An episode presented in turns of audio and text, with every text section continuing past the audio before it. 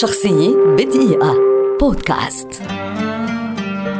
فرانسيس ماكدورماند ممثلة أمريكية كبيرة ولدت عام 1957 وتعد واحدة من أعظم نجمات هوليوود على الإطلاق ومن أكثرهن موهبة وتألقا عبر التاريخ.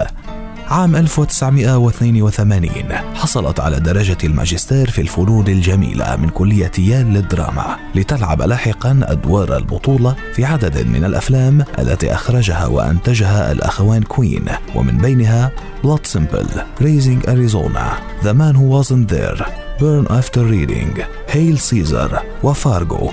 الذي فازت عن أدائها فيه بأوسكارها الأول كأفضل ممثلة في دور رئيسي. كما حازت أدوارها السينمائية الأخرى في Mississippi Burning و Almost Famous و North Country على ترشيحات لجائزة الأوسكار لأفضل ممثلة مساعدة.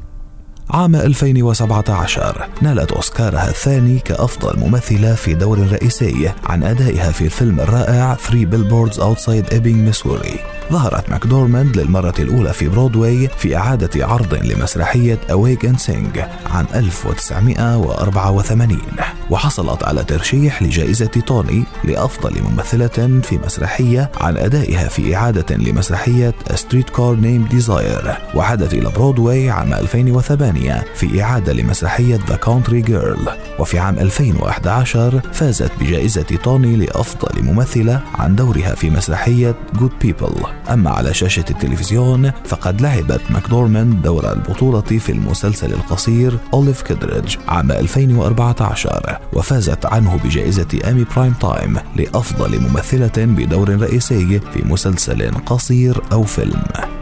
عام 2021 حصلت فرانسيس ماكدورماند على أوسكار أفضل ممثلة في دور رئيسي للمرة الثالثة في مسيرتها عن دورها في الفيلم الرائع Nomadland وبذلك تكون الممثلة الوحيدة في التاريخ الحاصلة على هذه الجائزة ثلاث مرات ولا يشاركها في ذلك سوى العبقري دانيال دي لويس.